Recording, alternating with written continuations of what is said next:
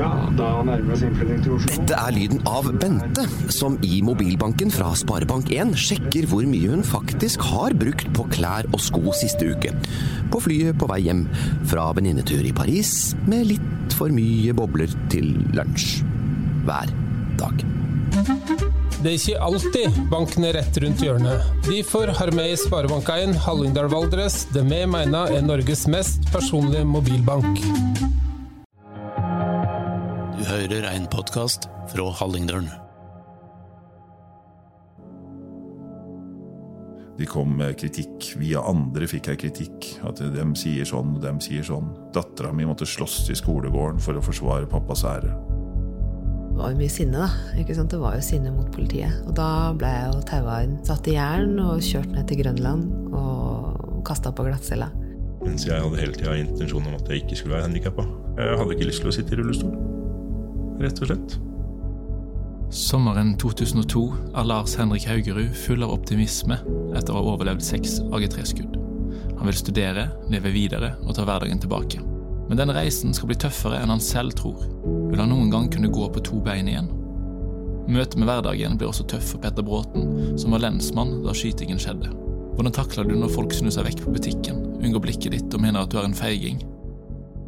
Det skal heller ikke gå lang tid før en ny heimevernstragedie rammer. Når skal man si at nok er nok? Du hører på Røynda, Hallingdølen sin historiefortellende podkast. Dette er episode fire i serien om trippeldrapet på Geilo, og mitt navn er Elias Dalen.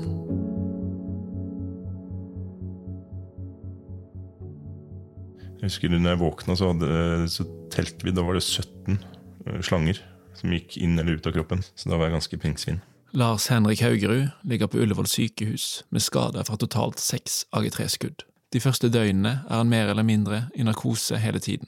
Etter hvert våkner han til, men må gjennom en lang rekke operasjoner på sykehuset. Jeg var jo først og fremst redd, ikke redd for å overleve, men hvordan jeg skulle overleve. Og så ville jeg bli sittende i rullestol, skal jeg bli, skal jeg bli frisk? Og, og, så var det mest egentlig bare å overleve smertene. Lars har punktert én lunge og har store skader på indre organer etter kulene som gikk inn i ryggen. I venstre beinet har han fått en blodpropp etter at en kule hadde svidd av en åre.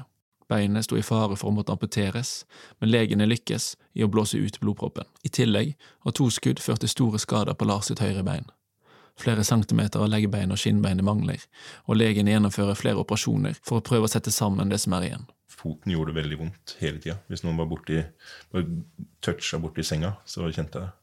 Det var mye smerter og rett og slett uh, bare overleve. Etter hvert får Lars dra hjem til Geilo. Også der ligger han mer eller mindre i sykeseng og får antydninger til liggesår. Lars sitt høyre bein møter på nye utfordringer utpå våren, noen måneder etter skytingen. For da hadde, jeg, da hadde vi først hatt noen runder med fiksering som skulle prøve å få det til å vokse, og så istedenfor så fikk jeg en infeksjon der, og så måtte de skjære bort mer bein og mer, mer kjøtt. Og det var da de vurderte å amputere. Lars får to valg. Han velger å gjøre alt han kan for å redde beinet. Det fins en måte å, eh, beholde beinet, men da blir det mye smerte, og det blir ett år. og Hvis vi amputerer nå, så, så, er du fin igjen om en par uker, og så kan du lære å gå med protese, og så er det så er det. det. Um, men da hadde jeg på en måte beslutta meg at jeg skulle bli frisk og gå.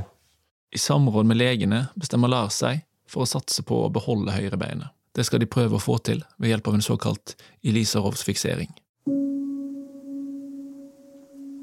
Ved hjelp av en mekanisk innretning rundt skadestedet, sirkelformede rammer, bolter og skruer, skal de forsøke å stimulere knoklene til å vokse. Det er en lang og smertefull prosess. I denne tiden er Lars innom ulike opptreningssentre for folk som trenger rehabilitering etter større skader. De hadde altfor mye fokus på det å akseptere situasjonen. Og akseptere å mm, lære, lære å leve med handikap. Mens jeg hadde hele tida intensjon om at jeg ikke skulle være handikappa. Det ble litt sånn feil. Det blei feil for meg på de, på de opptreningssentrene.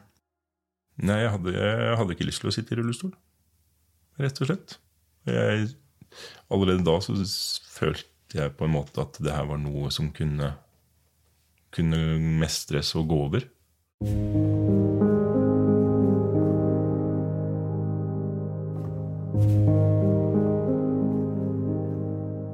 Lars velger å se fremover i kaoset av følelser og operasjoner. Det som har skjedd, hadde skjedd. Øh, Jeg fokuserte mer på at, øh, at jeg skulle bli frisk og overleve. Og da var det ikke så mye plass til fortiden. Det, var, det blei som det blei. Det, det, det hjelp, hjalp ikke meg noe i, i, i sykesengen å gruble og fundere på det som hadde skjedd. I juli 2002 møter Hallingdølen Lars på et opptreningssenter i Son. Han forteller at han i stor grad har lagt de vonde minnene bak seg, og at han ser lyst på fremtiden. Til høsten skal han starte studier på BI i Oslo, og han gleder seg til å komme tilbake til en normal hverdag. Det gikk ikke helt sånn, da. Eh, Jeg kom vel så vidt inn på skolen, for jeg følte at det her er eh, Det her er jeg ikke klar for.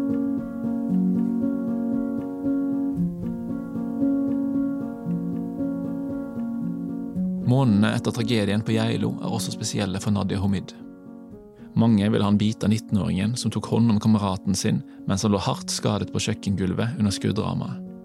Heltinnefortellingen får vind i seilene, og telefonen til Nadia går i ett. Ja, det ble en veldig rar eh, situasjon å være i rett etter, fordi jeg fikk så mye ros for min innsats og hva jeg hadde gjort. Og en av mine gode venner var i dyp, dyp sorg. Jeg klarte liksom ikke helt å, å stå i det de sa, og de, den tilbakemeldingen jeg fikk, fordi her skulle det plutselig være noe positivt i noe så tragisk. Men det ble jo altså veldig rart. da, ikke sant? I bare noen dager så ble jeg plutselig behandlet som en kjendis. Telefonen min gikk i ett, og liksom Utrolig mye positivt, og så var det bare veldig rart. Fordi jeg sørger folk, og det er liksom Jeg syns det var veldig, veldig rart å stå i det. At eh, ukjente folk ringte til meg og ville gi, sende meg penger eller ta meg med på middag. Det var bare så rart. Jeg var bare 19. Jeg husker på et punkt der etter jeg hadde vært på Pål T. Jørgensen, så måtte broren min ha telefonen min et par dager. Fordi den gikk så i ett.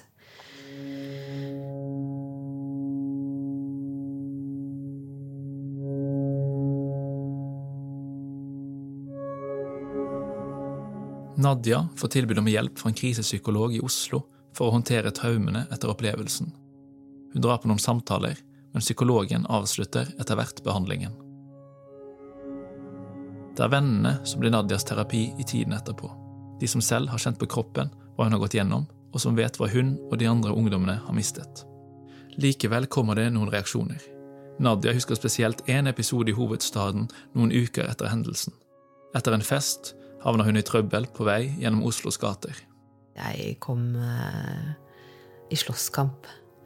Og jeg hadde gått forbi den amerikanske ambassaden og vist fingeren og sagt 'fuck the police'. Eh, og velta over en søppelbøtte og noe greier. Og da var det var mye sinne, da. Ikke sant? Det var jo sinne mot politiet. Og da ble jeg jo taua inn. Eh, satt i jern og kjørt ned til Grønland og kasta på glattcella. Eh, så da når jeg våkna, så kom de inn, så sa de du har eh, tre saker på deg, og det er egentlig en bot på under 7000 kroner. Men eh, vi ser jo at du nettopp har vært i media, og vi vet jo hvem du er. Eh, og vi kan jo forstå at det kan komme litt ettervirkninger og ting som må ut, så vi slår en strek over den boten der. Og så, og så fikk jeg gå, da.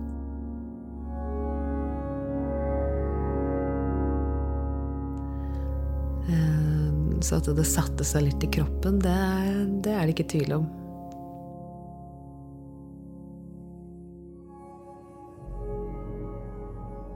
På lensmannskontoret på Geilo begynner ting å gå tilbake til normalen. Men for Petter Bråten, som ledet politiet sin innsats ved Tuftohuset den 12. januar, blir det tøft å møte hverdagen. Du, du er i medielyset da, ganske lang tid etter en sånn hendelse. Og plutselig så slokner den medielampa. Så sitter du der da på lensmannskontoret. Har vært opptatt med media hver dag i tre måneder. ikke sant? Og så plutselig så er du ikke interessant. Det er ingen som gidder å snakke med deg mer. Og så får du bare en masse kritikk fra bygda. Fra en del av bygda, da.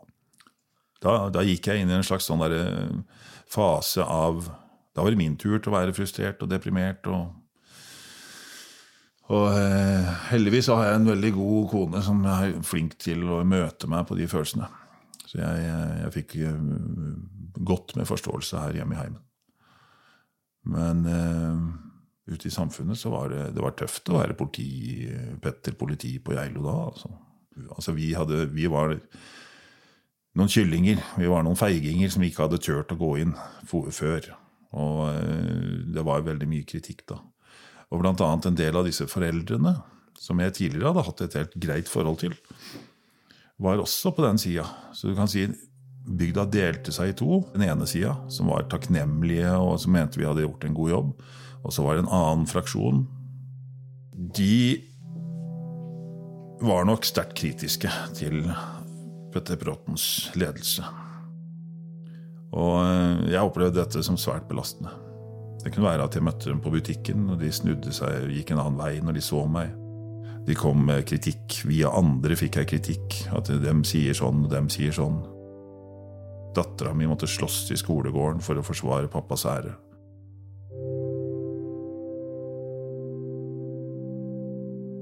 Kommunelegen bestemmer seg etter hvert for at noen er nødt til å ta tak i problemet. Han samler foreldrene til flere av de involverte og Petter Bråten til et møte på Vestlia hotell. Eh, jeg kom inn i rommet, og det var akkurat som det rant isvann nedover alle veggene. Det var følelsen av at det var kuldegrader inn i et rom hvor det egentlig var 2-3-24 varmegrader. Den var så påtagelig at jeg, jeg umiddelbart fikk sånne frosterier i kroppen. Og jeg kjente at det var et enormt vanskelig klima inne i det rommet. Og så husker jeg veldig godt at kommunelegen sa det at eh, da syns jeg kanskje Petter skal få lov til å fortelle dere om den natta. Jeg forteller i klartekst hva jeg opplevde. Litt mer om grunnlaget for mine vurderinger osv. Og, så og eh, jeg holdt vel på kanskje i tre kvarter. Hvor det var, eh, det var ganske krevende å sitte der og prate med disse folka som jeg følte på mange måter at de, de altså Å bruke ordet 'hata meg', det tror jeg ikke er riktig. Men at de, de var veldig kritiske, da, uansett. liksom. Men da fikk de endelig fylt opp informasjonsvakuumet sitt. Og eh, plutselig så datt isen av veggene. Temperaturen i rommet endra seg. Alle begynte å grine. Og alle kom rundt bordet og ga meg en god klem. Og eh, fra den dagen av så har disse folka vært igjen folk som jeg har både respektert, og de har respektert meg. Et av de viktigste poengene som sitter igjen for meg, at det blir aldri nok informasjon. Vi må tillate oss å, å gi folk eh, den grusomme sannheten. Og så må vi få lov til å gråte litt sammen og eh, tømme disse følelsene ut. Bli enige om at eh, ja, det finnes ingen rettferdighet i en sånn sak. Det finnes bare jævlighet. Og så må vi være enige om at det er sånn.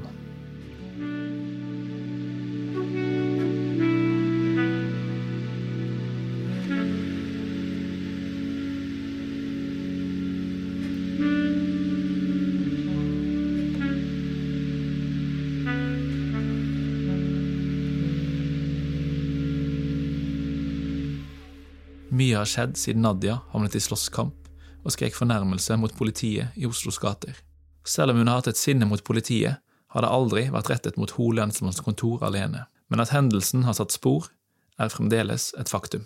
I ettertid så har jeg vel liksom drømt av og til at jeg ringer 113, og at det ikke går. da, At det aldri går å ringe. For det var en opplevelse av at sant, det ble jo bare fullt på tråden der noen ganger. Eh, og det ble liksom lagt på, og det, liksom, det var veldig mye surr rundt det her med den ringinga med 113.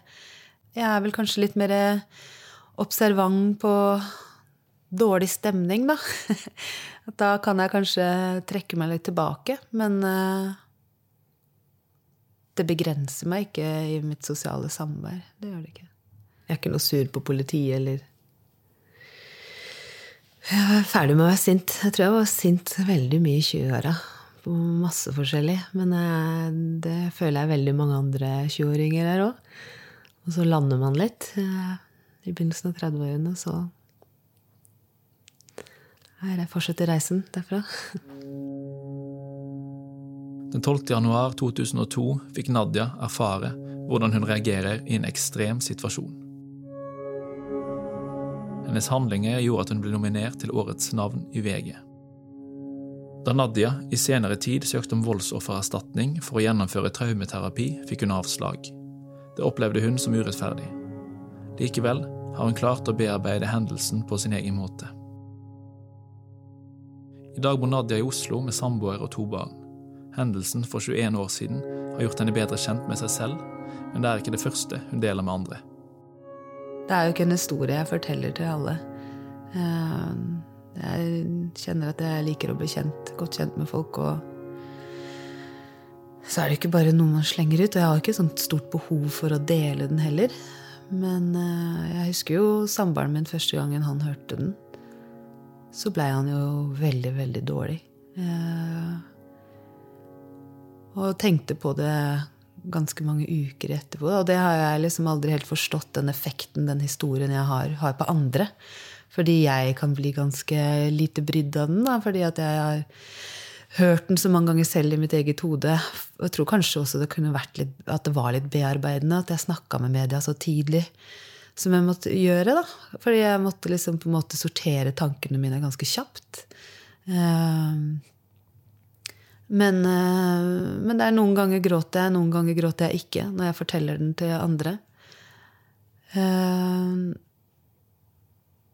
men eh, ja, jeg føler på en måte at jeg har bearbeida den, altså, fordi jeg har gått gjennom det så mange ganger. Og jeg er så glad og så takknemlig for at Lars lever. Fordi hadde han dødd, så tror jeg jeg hadde hatt en helt annen psyke rundt det. Men jeg, jeg, gjorde så godt jeg kunne, og det, og det var godt nok, da.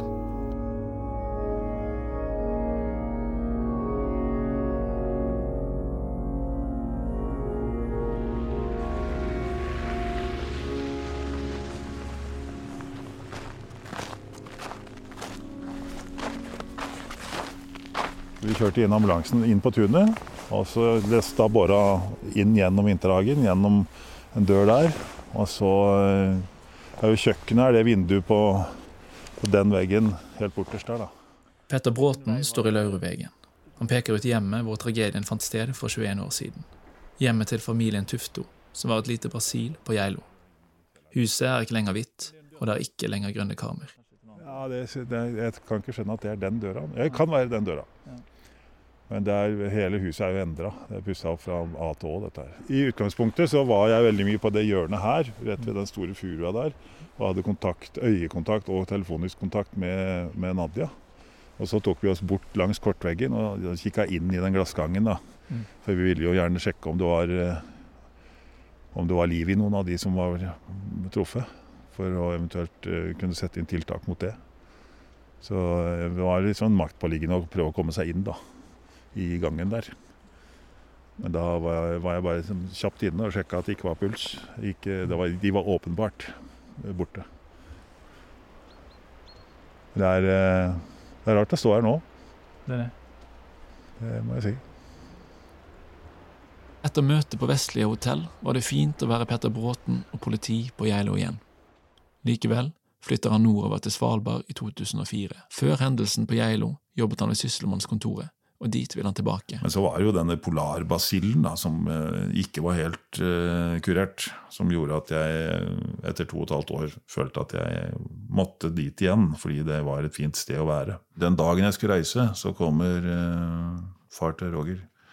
Han var litt dårlig til beins, da, så han hadde fått seg sånn der liten rullestolbil. Så han kommer inn på tunet her, og han ville bare kjøre innom og takke for alle gode samtaler og ønske meg lykke til på Svalbard. Så eh, det følte jeg på en måte som en fin ting, da. At eh, jeg hadde klart å bygge litt bro over den familien, på en måte. Petter blir på Svalbard fram til 2009. Når han kommer tilbake til Geilo, legger han politiuniformen på hylla for godt. Jeg opplevde vel at eh, samfunnet på sett og vis reiste seg igjen ganske fort. Og eh, det er faktisk ganske mange ganger, ganske nær ettertid, da, fra hendelsen, så, så opplevde jeg det at folk hadde fortrengt hele hendelsen. At det, det var så dyptgripende jævlig at de, de, valgte på en måte å, å bare fortrenge hele saken. Noe som, noe som eh, innimellom kan nesten oppleves som litt sånn urettferdig for de som døde i dette, denne saken. Og at, at de, de, liksom bare skal bli glemt. da.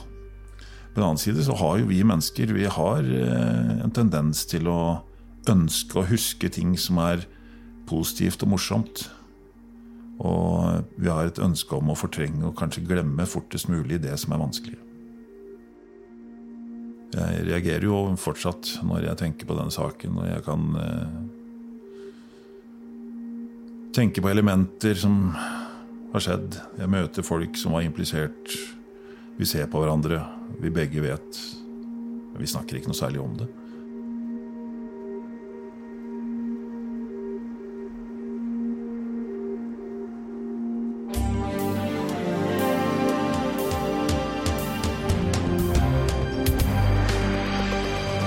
kveld og velkommen til Dagsrevyen. Mannen som skjøt og drepte tre mennesker og seg selv ved Kongsvinger, var heimevernssoldat. Drapsvåpenet var et AG3-gevær fra Heimevernet, og i dag finnes det 80 000 slike våpen rundt om i norske heimer. Forsvaret har foreslått sikring av disse våpnene, men Stortinget sa nei. Etterforskningen av familietragedien Bare noen måneder etter Geilo-drapene skjer det en ny skytetragedie. Også denne gangen utført av en heimevernssoldat med AG3-våpen. Klippet du nettopp hørte, er fra en nyhetssending på NRK i september 2002. Mannen tar livet av sin egen familie og seg selv. Fra 1986 til og med denne hendelsen mister over 20 mennesker livet i skyteepisoder med AG3-våpen. Drapene på Geilo startet en nasjonal debatt. Både Forsvaret og Heimevernet foreslo kammerlås på alle våpen, en teknisk innretning som monteres i våpenet og gjør det umulig å bruke uten riktig nøkkel. Sommeren 2002 ble forslaget om kammerlås nedstemt av Stortinget, som mener løsningen er for dyr. De vil heller styrke Heimevernets nemnder, som vurderer hvem som er skikket til tjeneste og ikke.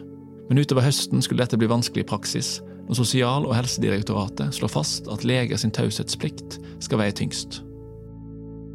Så skjer tragedien på Kongsvinger, og flere krever endring. Lars Henrik Haugerud, som selv har kjent på kraften for det norskproduserte militære våpenet, takker ja til å stille opp i TV-debatt. Temaet er Heimevernets våpenrutiner. I ettertid får Lars mye oppmerksomhet. Masse folk som ringte og sendte meldinger og sånn. ja, det er, sånn, det er vel en sånn medie, mediegreie eh, som sikkert er kult hvis du Hvis du har gjort noe som du er stolt av, som du blir kjent for. Men jeg følte ikke at jeg hadde gjort noe som jeg var stolt av, og som jeg ble kjent for. Jeg følte ikke at det var noe Ja, det var ikke en eh, var ikke noe jeg ja, jakta etter, å være kjendis fordi jeg hadde blitt skutt. Like etter den eh, TV-sendingen så, så blei det jo en endring. Det er kanskje det eneste jeg er litt stolt av i denne sammenhengen der. 6.12.2002 vedtar Stortinget at alle utleverte våpen i Heimevernet skal utstyres med kammerlås innen to til tre år. En midlertidig løsning er at Heimevernet samler inn tennstempler. En essensiell del for at våpenet skal fungere. Enkelte heimevernsdistrikt inndrar tennstempelen umiddelbart, mens andre opererer med en lengre frist. I Sør-Trøndelag får dette et tragisk utfall da en heimevernssoldat i Malvik tar livet av ektefellen og seg selv den 20. desember 2002. Dette året mister totalt ti mennesker livet i skyteepisoder med AG3. I februar 2003 er alle tennstempler samlet inn. Etter dette har ingen blitt drept med heimevernsvåpen. Men nå er det på tide å plukke opp Lars Henrik Haugerud sin historie igjen.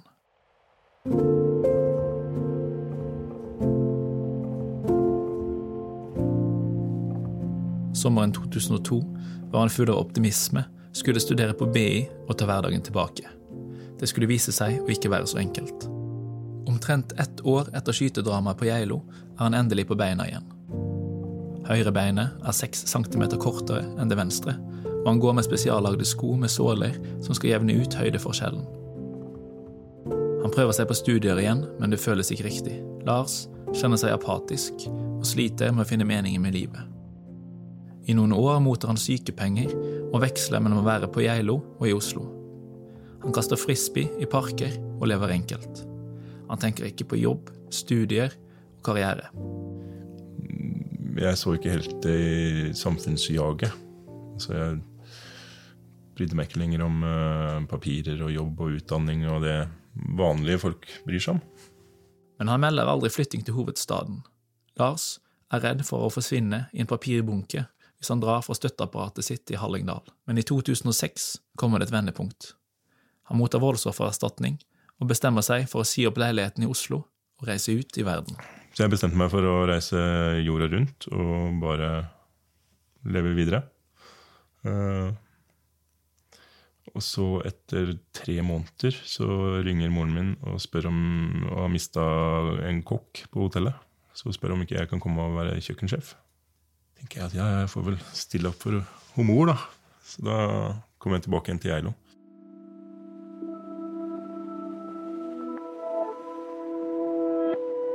I årene etterpå kan Lars merke at han fremdeles er preget av hendelsen i Lauruvegen. Det som skremte meg mest i perioden etterpå, var usikkerheten eh, i å ikke ha kontroll på situasjonen, eller være usikker på hva som var utenfor. Eh, så vinduer med gjenskinn, når jeg så speilbildet i, i vinduer, det, det, var noe som, som fulgte meg veldig lenge. Eh, som jeg var redd for veldig lenge. Og det å ikke ikke ha kontroll på situasjonen, kanskje. Jeg må, jeg må sitte med oversikt hvis jeg går inn på en restaurant, eller jeg må hele tida prøve å skaffe meg oversikt over, over, over bilde av situasjoner. Og at det begynner mye i frykt. En god venn på Geilo bestemmer seg for å ta Lars med på fallskjermkurs i Portugal for å ta tak i utfordringene. Da fikk jeg kjenne på kontroll på livet og frykt. Eh, for da Det er ikke så mye annet der oppe. Så det var en veldig frigjørende følelse. Å få litt mer kontroll. Det var ingen som var der som ikke hadde bagasje. Eh, eller hadde noe de måtte jobbe med i forhold til frykt eller et eller annet. Så det var, det var en befrielse å være en del av det miljøet. I hvert fall en periode. Lars er redd for å lande på beinet når han hopper i fallskjerm, og skadene han pådro seg, preger han fortsatt. Etter en lang og tøff periode med rehabilitering har han en iboende frykt for at noe skal gå galt med foten. I Portugal møter han en mann som har mistet begge beina i en landmine. De to blir kamerater. Så han sto og venta når jeg landa, for han ville se på hvordan jeg landa med foten min, og med rumpelanding, som vi kalte ass landing. Han også hadde alltid ass landing. Så han hadde til og med sånn spesialsydd eh, fallskjermdress med padding i rumpa.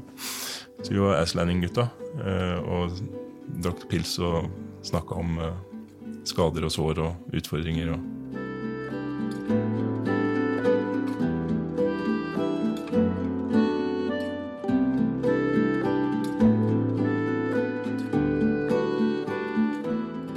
I dag bor Lars på Geilo og har stiftet egen familie. Sammen med konen har han to små barn. Hver dag kjører han forbi huset i Lauruvegen, der livet hans ble snudd på hodet. Han bor i samme nabolaget. Det har gått 21 år, og Lars har klart å legge de vondeste minnene bak seg. Men fremdeles dukker spørsmålene om hendelsene opp. Det kommer han ikke unna. Det med spørsmålet rundt foten er kanskje det som, som henger mest ved i dag, da. Jeg får jo daglig spørsmål når jeg leverer på skolen eller et eller annet. Fordi jeg har den oppbyggingen på seks centimeter på under skoen. Ellers så ser jeg jo helt, helt frisk og normal ut. Jeg prøver å gjøre alt som vanlig jeg kan. Jeg står på snowboard og går på langrenn og gått skarvrenn. og Jeg dykker og har hoppa fallskjerm. Og jeg har prøvd det meste. Eh, og god hjelp fra forskjellige venner som hjelper meg å bygge langrennsski og tilrettelegge og tilpasse ting. Så jeg tenker at det, alt, kan, alt kan løses så lenge man vil. Lars jobber med barn og ungdom i Hol kommune. De driver en kino, organiserer fritidsaktiviteter og lager møtesteder. Kanskje er det ikke helt tilfeldig at det var dette som ble Lars sin vei i livet. Jeg vet ikke om jeg er det perfekte forbildet, men jeg tror kanskje Eh, jeg kan eh, ha empati og forstå, forstå mange situasjoner som eh, mange ungdommer kan havne i.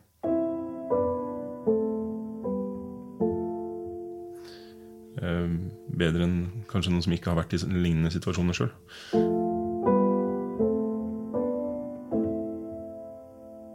Sånn sett så føler jeg at jeg har kanskje noe å bidra med overfor, overfor ungdommer. Og da er det jo veldig fint å kunne ha muligheten i, å få betalt for det, og ha det som jobb. Det er jo ikke, det er ikke lett å være ungdom, å være outsider eller å være, være misforstått eller utenfor vennegjengen. Så det har vel vært litt, litt av baktanken min. da, at eh, Hvis jeg skal ha et godt liv i mitt nærmiljø, så må jeg prøve å gjøre noe med det sjøl. Det er jo en av fordelene med jobben jeg har. da, At jeg kan i hvert fall prøve å legge føringer. Og prøve å lage eh, sosiale møteplasser og prøve å, prøve å lage, jobbe med at man skal være sammen. Jeg tror det er det som er altså Du får ikke utenforskap hvis man er sammen. Så det å lage rom eller muligheter for å kunne henge sammen og oppleve ting sammen, tror jeg er, eh, er viktig for et lokalsamfunn.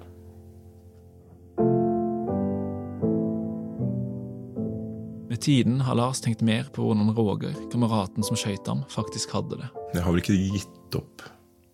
Jeg søker vel fortsatt, på en måte, etter forklaringen. Det er jo sånn, sånn som jeg litt forsto den gangen også, så hadde vel ikke Roger det så veldig bra. Han hadde jo ikke mange venner, og han hadde ikke en stor omgangskrets. Og det påvirka jo han. Eh, Og når man ser i nyhetene og sånn, så tenker jeg jo at eh, det er langt fra unikt, de utfordringene Roger har. Det er også det jeg ser gjennom jobben, at man, det, det er egentlig ganske lite som skal til. da for i hvert fall prøve å hjelpe med problemer. Fra første begynnelse har jeg tenkt at Roger var Roger, og han som skøyt, var en annen. Eh, det som skjedde, det skjedde. Eh, ja. Nei, jeg har ikke, jeg ikke endra noe, endra noe synspunkt der. Det var som sagt Det var på en måte ikke Roger som skjøt meg. Men jeg har kanskje, kanskje fått Etter å ha hørt opp gjennom historier om han og sånn, så har jeg kanskje fått mer forståelse. Eh, For han var kanskje en større outsider enn det jeg så for meg da, når vi første gang møttes. Tror jeg kanskje han, han hadde nok litt vanskeligere enn det jeg visste da.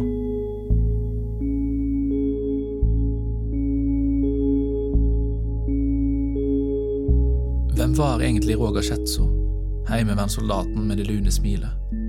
I neste og siste episode i denne serien vil vi prøve å nøste opp og finne ut det vi kan. Finnes det noe svar et eller annet sted? Vi følte vel det at han hadde det jo bra når han var med oss. Men jeg tror ikke Roger har hatt det bra noen gang. Hvis jeg tenker tilbake på det nå. Fordi han sleit med mye som jeg ikke helt visste hva var. Eh, Og at han nok syntes det var vanskelig dette med, med å finne sin plass i livet. da. Du har ikke hørt fra Jacqueline siden den første episoden av denne serien. Hvordan fant hun veien tilbake til hverdagen etter å ha mistet begge foreldrene og sin lillebror, og hva tenker hun om drapsmannen Roger i dag? Jeg følte meg ikke sterk, men jeg følte heller ikke at jeg hadde noe valg.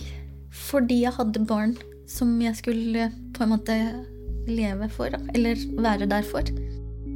Du har hørt episode fire av fem i serien om trippeldrapet på Geilo, som er en del av Røynda, Hallingdølens historiefortellende podkast. Denne podkasten er laget av meg, Elias Dalen, og journalist Anna Huseby. Ansvarlig redaktør i Hallingdølen er Lillian Holden. Om du vil lese mer om denne saken, gå inn på hallingdolen.no podkast.